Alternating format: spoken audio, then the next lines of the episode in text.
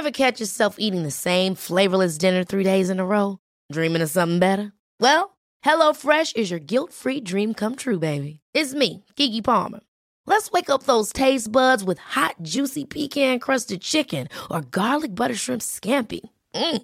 Hello Fresh. Stop dreaming of all the delicious possibilities and dig in at HelloFresh.com. Let's get this dinner party started. Hey, it's Ryan Reynolds, and I'm here with Keith, co star of my upcoming film, If, only in theaters, May 17th. Do you want to tell people the big news? All right, I'll do. Sign up now and you'll get unlimited for $15 a month in six months of Paramount Plus Essential Plan on us. Mintmobile.com slash switch. Upfront payment of $45 equivalent to $15 per month. Unlimited over 40 gigabytes per month. Face lower speeds. Videos at 480p. Active Mint customers by 531.24 get six months of Paramount Plus Essential Plan. Auto renews after six months. Offer ends May 31st, 2024. Separate Paramount Plus registration required. Terms and conditions apply if rated PG. Du lyssnar på GVS ljudböcker.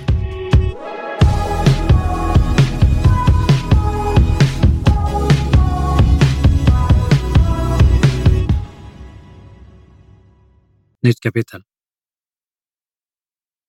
Att försättas på fri fot efter avslutade rättegångsförhandlingar medför inte per automatik att man kommer att friges.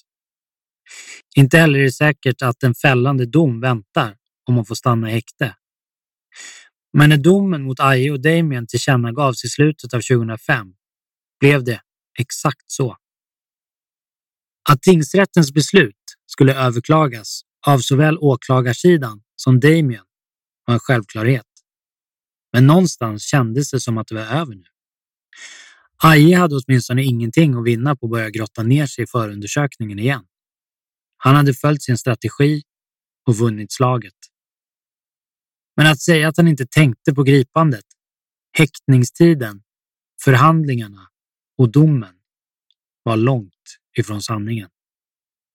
Hans bästa vän hade dömts till nio års fängelse och tanken på att Damien satt kvar i häkte skulle göra åtminstone fram till höstens hovrättsförhandlingar smärta honom.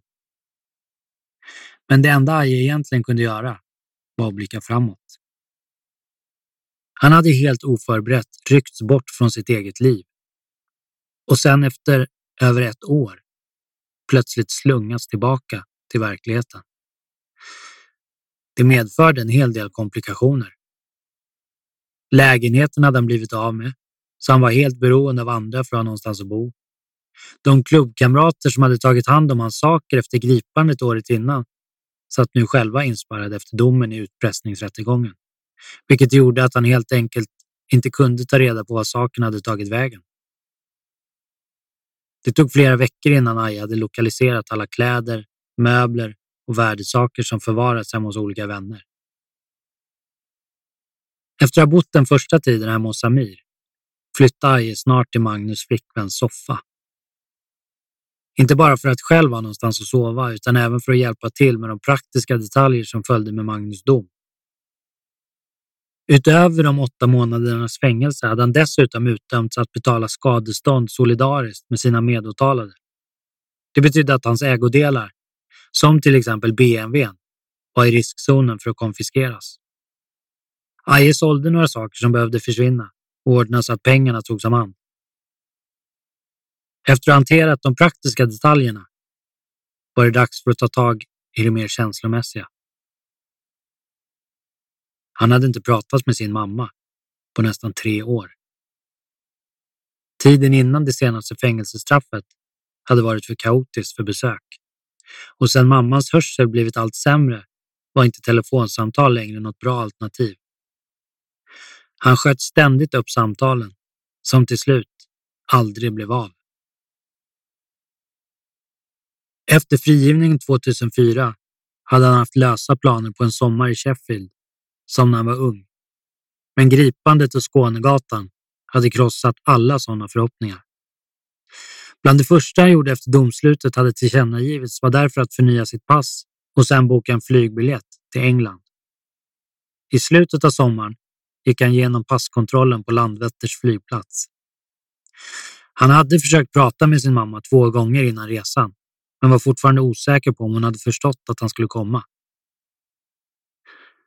Det var känslosamt att se det välbekanta engelska landskapet i södra Yorkshire susa förbi utanför tågfönstret. I taxin genom Sheffield på väg ut till radhuslängorna var tårarna nära igen.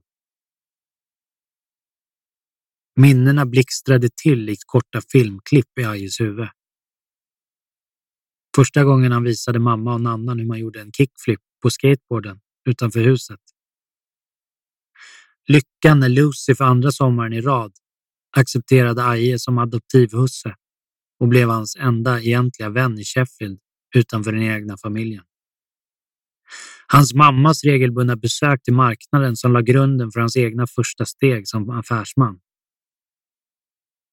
Ibland undrar han om han inte hade kunnat klara sig precis lika bra som försäljare eller marknadschef på något stort företag som han gjorde som kriminell. Men tanken var lätt att avfärda. Det var för sent nu. Vilket seriöst företag skulle anställa någon med hans bakgrund?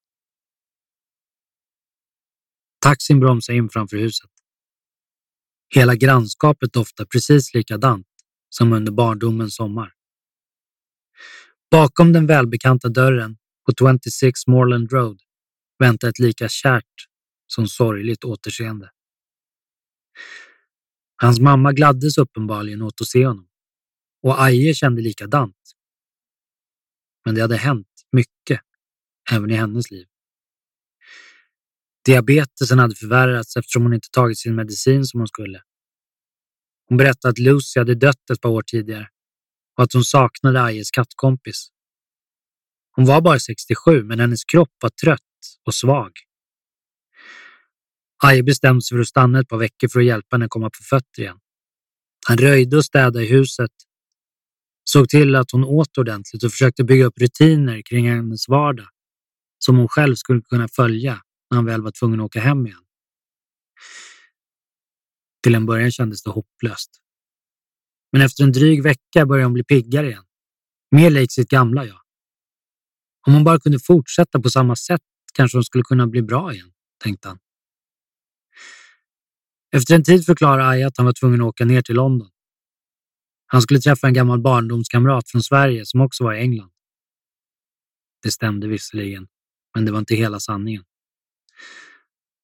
Mötet var det första steget i Ajes stora plan för revansch. Även om han hade friats i tingsrätten och även om den långa häktningen skulle generera ett bra skadestånd om domen stod sig i hovrätten, så hade det senaste året utan tvivel fört med sig nya insikter om det liv han levde.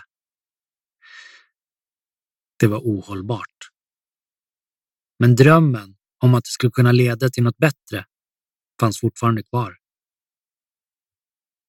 Det var ett möte i början av sommaren med en gammal bekant som lagt grunden till hans nya storslagna visioner. Mannen han nu skulle träffa hade gjort klart att han var redo att göra en rejäl satsning, förutsatt att det fanns rejäla vinster att göra.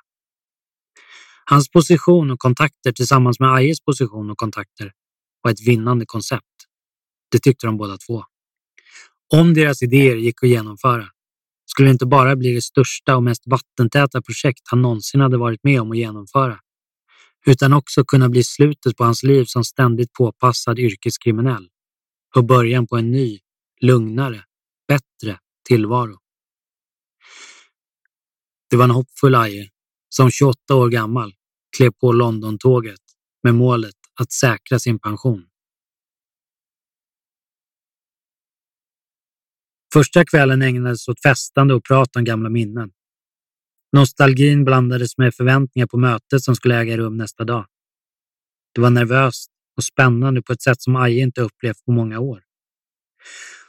De två männen som de träffade dagen därpå representerade nästa viktiga länk i affärskedjan och de visade sig vara ett riktigt radarpar. Aje imponerades av deras karisma och disciplinerade sätt. Han förstod att de visste vad de sysslade med och det kändes tryggt att lägga upp en plan med folk som var seriösa och som han själv kunde kommunicera med på ett rakt och avslappnat sätt. Det var en mycket nöjd Aje som två kvällar senare klev av stationen i Sheffield. Alla verkade vara med på noterna. Inga telefoner, inga onödiga möten. Bara korrekt och välplanerat agerande från samtliga parter. Det var så affärer skulle skötas, tyckte han. Men när han var tillbaka på Moreland Road försvann lyckokänslorna snabbt. Dörren var låst och lamporna släckta. Hur mycket han än bankade på dörren och ropa kom inte hans mamma att öppna. I panik bestämde sig Aje för att bryta sig in genom ett fönster, bara för att upptäcka att huset var tomt. När han kom ut igen möttes han av en granne som vaknat av oväsendet. Hans mamma hade ramlat på trappen utanför ytterdörren och hämtats av en ambulans samma eftermiddag. Aje tog en taxi till sjukhuset. Skadorna från fallet var allvarliga och händelsen blev en jobbig påminnelse om att Ajes mamma inte mådde bra. Hon skulle bli kvar på sjukhuset i ett års tid. De sista dagarna i Sheffield tillbringade han på sjukhuset vid hennes sida och han tvingades också lämna henne där när det var dags att åka hem. Biljetten var bokad och hovrättsförhandlingarna väntade. Det var med en klump i magen som Maje städade sin mammas hus en sista gång och lämnade det tomt. Nytt kapitel. När Aje återvände till Göteborg i slutet av augusti hade han skaffat en ny lägenhet i Haga. Det kändes skönt att börja bygga upp ett nytt hem från grunden igen. Efter framgången i tingsrätten var Hans Gastadius, liksom Aje, försiktigt hoppfull inför hovrättens förhandlingar. Bevisen mot Aje hade inte varit övertygande och mycket av det som hållits emot honom handlade mer om att bygga upp en allmän uppfattning om Aje som kriminell än att binda honom till det aktuella brottet, enligt advokaten. Han förstod visserligen varför. Aje var en tongivande person inom Göteborgs kriminella värld och Hans Gastadius gissning var att han var lika hänsynslös och stark ledare på utsidan som han var en driven och engagerad klient på insidan. Men domstolens jobb var att se till det specifika fallet. Samtidigt var Hans väl medveten om den aktuella situationen, framför allt i Göteborg. De kriminella gängen hade blivit omtalade och intresset hos allmänheten hade växt under de senaste åren. Under den uppmärksammade utpressningsrättegången, där Hans företrätt en av Ajes klubbkamrater, hade Hans själv fått utstå hård kritik i media som en av busarnas representanter i rättegångssalen. Även hovrättsförhandlingarna ägde rum i den så kallade säkerhetssalen som låg anonymt intryckt i en byggnad på en bakgata mellan tingsrätten och hovrätten. Återigen samlades de misstänkta gärningsmännen, deras advokater, tolkar, åklagare, nämndemän och domare för att avgöra exakt vad som kunde ställas bortom allt rimligt tvivel och därför var betrakta som sanning. Säkerhetspådraget var stort även denna gång. Även om Aje och Damien hade bett sina klubbkamrater att inte närvara vid hovrättsprocessen. De ville inte riskera att andra medlemmars närvaro skulle påverka utgången i negativ riktning för deras egen del. Aje njöt fortfarande av sin frihet och han kunde komma till förhandlingarna genom den vanliga ingången. Damien och de andra kom fortfarande åkandes i häktestransporterna in genom den stora porten 50 meter bort från entrén och sen ner i kulverterna under byggnaden. Aje led med sin meduttalade vän.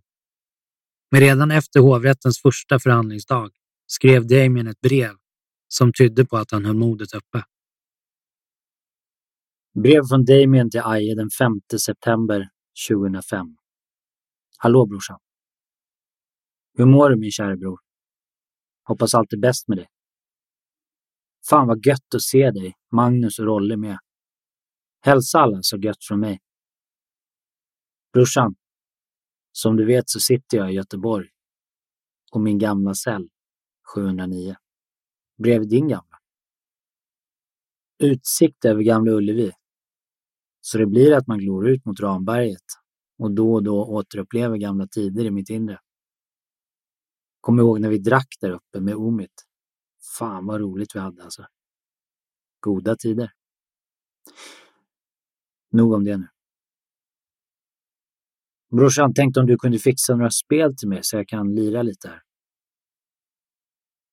Om du kan köpa en hiphop-skiva till mig med The Game så hade det varit kanon. Skicka med din adress med. Okej, okay, min älskade vän. Ta och avrunda här nu. Med mitt allra bästa till dig. Sköt om dig så länge. Din bror och vän för alltid. Aje. Big love and respect. Älskar dig, min bror.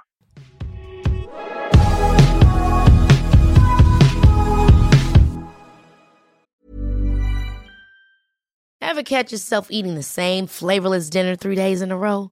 Dreaming of something better? Well, HelloFresh is your guilt-free dream come true, baby. It's me, Gigi Palmer.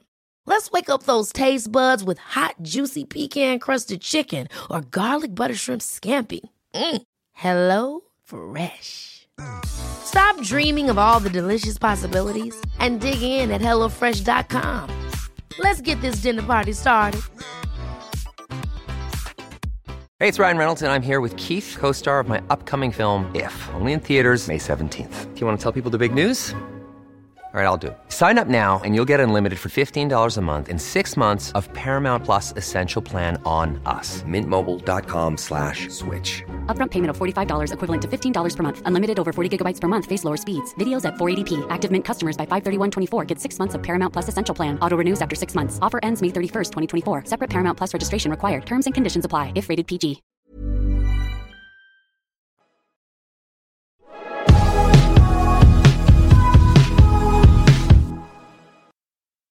Nytt kapitel.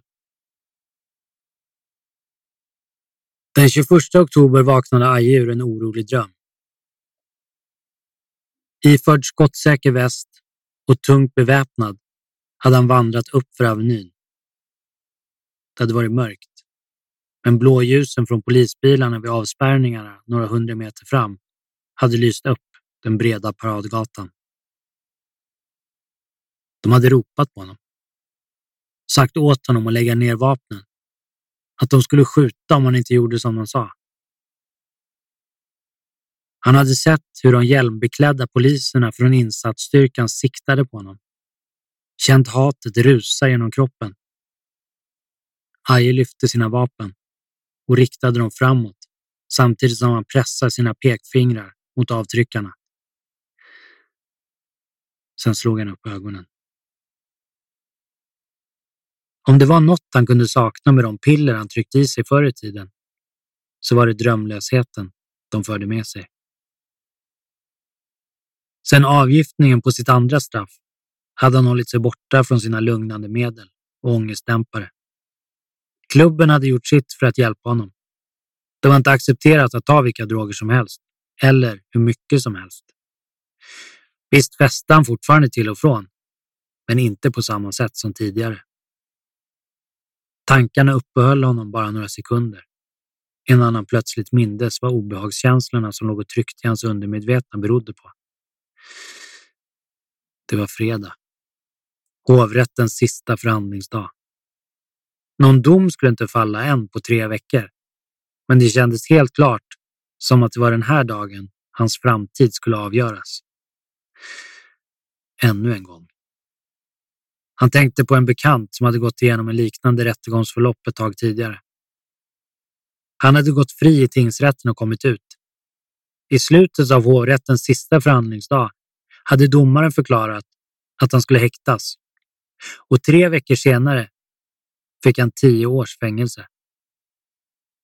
Aja hade svårt att föreställa sig känslan. Han var visserligen hoppfull om utsikterna att gå fri även denna gång, men långt ifrån säker. Han valde sina kläder med extra omsorg och plockade fram 25 000 kronor i 500-lappar som han stoppade ner i fickorna. Om dagen slutade i Skånegatans häkte skulle han i alla fall vara väl förberedd den här gången. En halvtimme senare stod han återigen utanför entrén vid korsningen Postgatan och Smedjegatan, tog ett djupt andetag och gick in. Aje satt som förstenad medan åklagaren började läsa upp yrkandena. Känslan var en helt annan nu jämfört med i tingsrätten. Då hade Aje suttit och planerat in i minsta detalj hur han skulle kunna ta sig fram till en overheadapparat som använts under förhandlingarna för att därefter åsamka alla fiender i lokalen största möjliga skada innan någon hann ingripa. Det skulle inte ha adderat nämnvärt straffet om han hade dömts. Men det hade han aldrig behövt göra. Han hade försatts på fri fot och nu hade han varit ute i frihet i snart fem månader. Och han ville verkligen inte tillbaka till häktet. Yrkandet på 14 års fängelse för Damien stod sig även i hovrätten. Det gjorde ont när jag hörde orden uttalas. Tänk om de fick som de ville den här gången. Hans tankar avbröts. Anders Berntsson. Fyra års fängelse plus del. Straffyrkandet var betydligt lägre än i tingsrätten. Men det var jobbigt att överhuvudtaget höra sitt namn i en sån mening. Aje försökte behålla koncentrationen. Stämningen när han satte sig för att invänta häktningsbesluten efter lunchpausen samma dag var obeskrivlig. Någon timme senare skulle han antingen vara på väg ut på gatan igen, samma väg som han kommit, lika fri som tidigare. Eller så skulle han sitta i en transport tillbaka till Skånegatan. Det sistnämnda vill han inte ens tänka på. Att Damien skulle bli kvar i häktet kom inte som någon överraskning. Men varje motgång för honom kändes i Ajes bröstkorg också. Sen kom turen återigen till Aje. Berntsson försätts på fortsatt fri fot i väntan på domen. Spänningen i Ajes kropp släppte. Han kände inte lättnaden riktigt lika fysiskt som i tingsrätten. Men ändå. Han var ute. I hovrätten. Han var fri att gå. Igen. Annika Johansson kunde knappt tro att det var sant. Hovrättsförhandlingarna i det mål hon hade arbetat med mer eller mindre oavbrutet i mer än ett och ett halvt års tid var över. Och en av de huvudmisstänkta hade gått därifrån som en fri man. Några nya chanser att påverka utgången skulle inte komma. Det rörde sig om ett renodlat bevismål och något så kallat prejudikatintresse fanns därför inte. Så att överklaga till Högsta domstol var inte aktuellt. Trots att de som dömts i tingsrätten fortfarande satt kvar i häktet och förmodligen skulle dömas var Annika inte helt nöjd. Hennes arbete var avslutat och hon tyckte att hon hade gjort vad hon kunnat för att få till en fällande dom. Men resultatet var inte det hon hade hoppats på. Aje såg det som ett tecken. Han var klar med det här nu, tänkte han. Redo att fokusera fullt ut på sin framtid, sina nya planer. Bara ett par dagar senare lämnade Aje sin mobil i laddaren hemma i lägenheten och gick ut till den mörka novembernatten. Ingen visste något om vart han skulle, eller ens att han skulle någonstans. Ingen förutom den man som mötte upp honom i en bil utanför Göteborg samma natt. Bilen körde söderut mot Malmö och vidare ut på Öresundsbron. När solen gick upp igen hade de redan passerat genom Danmark och var på väg vidare ut i Europa. Det började dra ihop sig nu, men ett par möten återstod. Aje tillbringade inte ens ett dygn nere på kontinenten, men den påfrestande och långa resan var mödan värd. Snart skulle Aje befinna sig i en helt ny position. Livet skulle kunna börja, tänkte han. Hemma i lägenheten hade telefonen ringt och pipit flitigt under det gångna dygnet. Aje suckade när han plockade upp den, men kände sig ändå ganska nöjd. Han började ringa upp sina kamrater. Hallå, förlåt. Nej, jag var ute i förrgår, vet du. Ah, jag ligger helt däckad i ett dygn. Ja, fy fan alltså. Aje log. Telefonen kunde gott vara hur avlyssnad som helst. Han till och med hoppades lite att den skulle vara det. Ingenting kunde stoppa honom nu. Nytt kapitel. Fredag den 11 november 2005 fyllde Ajes mamma 68 år. Samma dag skulle hovrättsdomen falla Aje var hemma och inväntade beskedet. Efteråt tänkte han ringa mamma, som fortfarande låg kvar på sjukhuset, och gratulera. Det var alltid jobbigt att ringa. Hon hörde dåligt och samtalen blev lätt otydliga. Så snart han kunde skulle han åka över och hälsa på henne igen. Han tittar på klockan. Den visar prick elva. Nu stod Hans på hovrätten i Göteborg och tog emot domen. Snart skulle han ringa. Vad skulle Damien få? Aje misstänkte något liknande de nio år som tingsrätten hade kommit fram till. Men yrkandet på 14 år var verkligen ingen omöjlighet. Han försökte att istället fokusera på något positivt. Han hade redan börjat fundera över formuleringarna för att utkräva ett skadestånd för de 13 månader han tillbringat i häkte. Det skulle åtminstone delvis vara en hämnd för allt det han ansåg att rättsapparaten hade utsatt honom för genom åren. Det var ett spel. Och han hade plötsligt läge för motattack på motståndarens egen planhalva. Telefonen ringde. Hallå? svarade Aje. Hej Aje. Något i Hans röst gjorde honom aningen illa till mods. Han hann inte säga något innan orden knockade honom. Du fick fyra år. Aje kände paniken. Plus delen, fortsatte advokaten. Du skämtar, försökte Aje. Nej, Aje. Tyvärr. Orden skar genom honom. Hans Gastadius försökte lugna sin klient. Med tanke på det brott han nu dömts för, grovt narkotikabrott samt stämpling till grovt narkotikabrott, var det egentligen en förvånande mild dom. Men det, började Hans, men han inte avsluta sin mening. Jag ringer upp dig om en stund, avbröt Aje och la på luren. Han tog ett djupt andetag innan han gick in i sovrummet. Där plockade han fram en liten väska från ett gömställe. I den låg 50 000 kronor i kontanter. Han drog ut den översta skrivbordslådan och plockade på sig sitt pass. Tusen tankar rusade genom huvudet. Sen ut i hallen och på med skor och jacka innan han gick bort mot balkongdörren med rappa steg. Nu fanns det bara en sak som gällde och det var att lämna landet så fort som det bara gick. Han tänkte inte sitta en gång till och inte när han hade varit så nära. Det fanns kontakter på andra håll. Kom han bara iväg så skulle det lösa sig. Blixtrande bilder av mamma, Damien, Magnus och alla andra som betydde något trängdes undan och försvann. Livet fick vänta. Nu fanns bara flykten. Samtidigt som Hans Gastadius ringde sin klient för att meddela hovrättens beslut plockade Annika Johansson upp sin mobiltelefon och slog numret till spanarna på narkotikaroten. Utan att vara särskilt hoppfull hade hon ändå känt sig tvungen att se till att ingenting lämnades åt slumpen.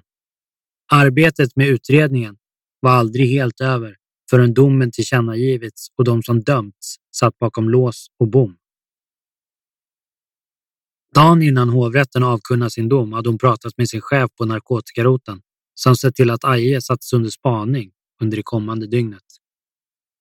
Skulle han mot all förmodan dömas ville de inte riskera att han försvann, oavsett hur kort eller hur länge han skulle kunna tänkas hålla sig undan. Anders Berntsson har dömts, han ska häktas, sa hon när spanarna på gatan svarade. Novemberhimlen låg grå över stan när Aje gick ut på balkongen, svängde sig över räcket och hoppade ner på marken. Han hann ta tre steg längs med trottoaren innan han såg dem i ögonvrån. Aje borde ha förstått att de skulle ha span på honom. Civila poliser började skrika efter honom i samma stund som han såg dem och tog de första snabba kliven ut i gatan med ögonen fästa rakt fram mot korsningen en bit bort. Det fanns ingenting att blicka tillbaka mot. Aje sprang. Epilog Den 30 april 2006 publicerade Göteborgs-Posten en artikel med rubriken Bandidos växer sig allt starkare.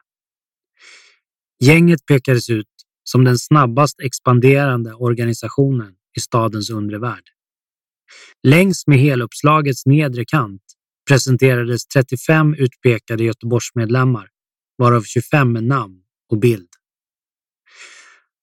Bland de frimärksstora porträtten återfanns bland andra Aje, Danne, Damien, Chichi och Eddie. Magnus hade då lämnat klubben, men skulle komma att återvända igen, inte långt senare. Eddie var för tillfället så kallad nomad och förflyttade sig fritt mellan landets olika avdelningar. Under åren som följde skulle han successivt komma att avancera upp till sin nuvarande position som Sergento de Armas Nacional. Danne hade efter sin dom föregående år hunnit passera ett par anstalter, bland annat Tidaholm där han tillbringar större delen av tiden isolerad på grund av ett bråk. Efter straffet fortsatte han att klättra i hierarkin och blev till slut fullvärdig medlem i Bandidos. Han arbetar idag som servicetekniker på en bilverkstad och inte längre medlem i klubben. Barndomskamraterna Aje, Damien och Shishi tillhörde än så länge det X-team som de en gång varit med och startat. Damien satt vid det här laget på Kumla och avtjänade tålmodigt sitt straff, fast besluten om att det skulle vara hans sista. Han såg på sitt kriminella liv som en alternativ väg, en chansning som inte hade gått hem och han tänkte inte försöka igen. Aje lyckades aldrig undkomma spanarna utanför hans lägenhet utan greps odramatiskt och hamnade också på Kumla, men på en annan avdelning. Från sin cell kunde han se Damien när han tog sina promenader på rastgården. De två placerades sedermera på olika anstalter. Aje, Damien och Shishi har idag lämnat X-team. Gripandet av Aje på Frigagatan var det sista steget i vad som fortfarande är den enskilt största polisutredningen som Annika Johansson själv lett.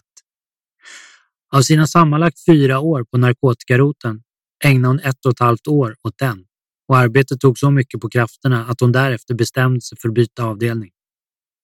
Hon vill fortsätta arbeta mot grov brottslighet och flytta till länskriminalens spaningsenhet, numera grova brott, där hon jobbar kvar. Tove ägnar många år att försöka lämna sitt förflutna bakom sig, trots ständiga påminnelser. Idag har hon lärt sig leva med det. Hon har gjort sig fri från drogerna, skaffat sig ett nytt jobb och byggt upp den lugna tillvaro hon så länge önskade sig. När Patrik lämnade sin presidentpost i brödraskapet Wolfpack 2000 var det många som blev förvånade. Det spekulerades bland de kriminella och poliser om orsakerna till detta. Framför allt handlade det om att Patrik var trött på att inte kunna röra sig utan att bli bevakad. Att lämna gänget skulle erbjuda honom ett visst andrum. Men efter att ha frigivits och återvänt till sina hemtrakter i Dalarna närmade han sig alltså också Bandidos. Han ägnade många år åt att bygga upp nya avdelningar och var ett tag president för en av dem. Ytterligare ett fängelsestraff senare har han idag lämnat klubben, arbetar som motivatör på ett behandlingshem för kriminella ungdomar och lever själv ett lugnt familjeliv. Brödraskapet Wolfpack fortsatte att utvecklas under 00-talet inte minst i Västra Götaland och i Skåne. Willy stannade länge kvar i klubben och dömdes bland annat för inblandning i en enorm hämndaktion mot en mindre mc-klubb i Uddevalla. Totalt 16 klubbmedlemmar åtalades. Samtliga dömdes. Willy är inte längre medlem i brödraskapet Wolfpack.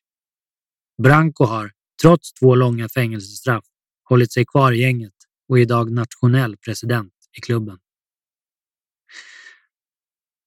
Christer Melvinsson kör fortfarande sin polismotorcykel på Hisingen. Han är oroad för stadsdelens utveckling och upplever en ständigt ökad våldsutövning i området.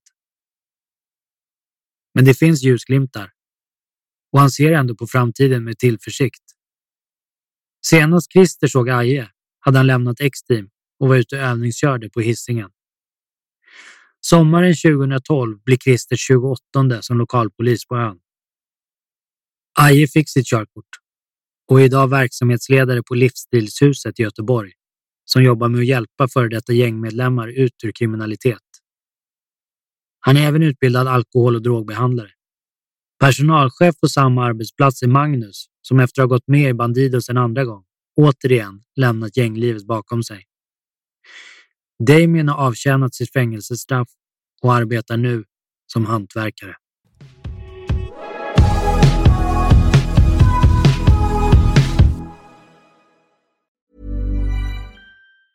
Hej, det är Danny Pellegrino från Everything Iconic.